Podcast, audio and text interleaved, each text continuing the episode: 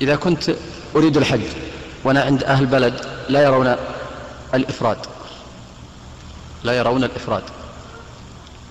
فهل الأفضل لي نعم. أن أفرد أم أتمتع؟ أهل البلد من؟ من, من أهل البلد؟ مثل أهل قرية. أهل مكة؟ لا أهل قرية اللي أهل قرية وش عليهم منك. إذا كنت في بلد لا يرون الإفراد فقولهم هذا ضعيف. مخالف لهدي الخلفاء الراشدين. وليس أفقه من الخلفاء الراشدين. ولا ابن عباس أفقه من أبي بكر وعمر. وقد سئل أبو ذر رضي الله عنه هل ما أمر به النبي عليه الصلاة والسلام لهم خاصة أم للناس عامة؟ فقال لنا خاصة. والصواب ما ذهب إليه شيخ الإسلام ابن تيمية رحمه الله. أن التمتع واجب على الصحابة الذين كلمهم الرسول صلى الله عليه وسلم في ذلك اليوم.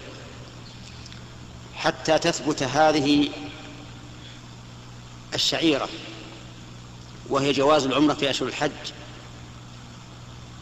لمن أراد الحج. عرفت؟ وأما ما من بعدهم فالأمر على سبيل الاستحباب التمتع. ولكن لو أفرد الإنسان فإن ذلك جائز. ثم على الفرض أن هؤلاء القوم يرون وجوب التمتع إلا على مساق الهدي فلهم رأيهم ولك, ولك رأيك. وأنت إذا أفردت فقد فعلت جائزا لكن تركت مستحبا. فالأفضل التمتع سواء كان أهل والدك يرون ذلك أو لا يرونه نعم. إذا الأفضل لك التمتع على كل حال.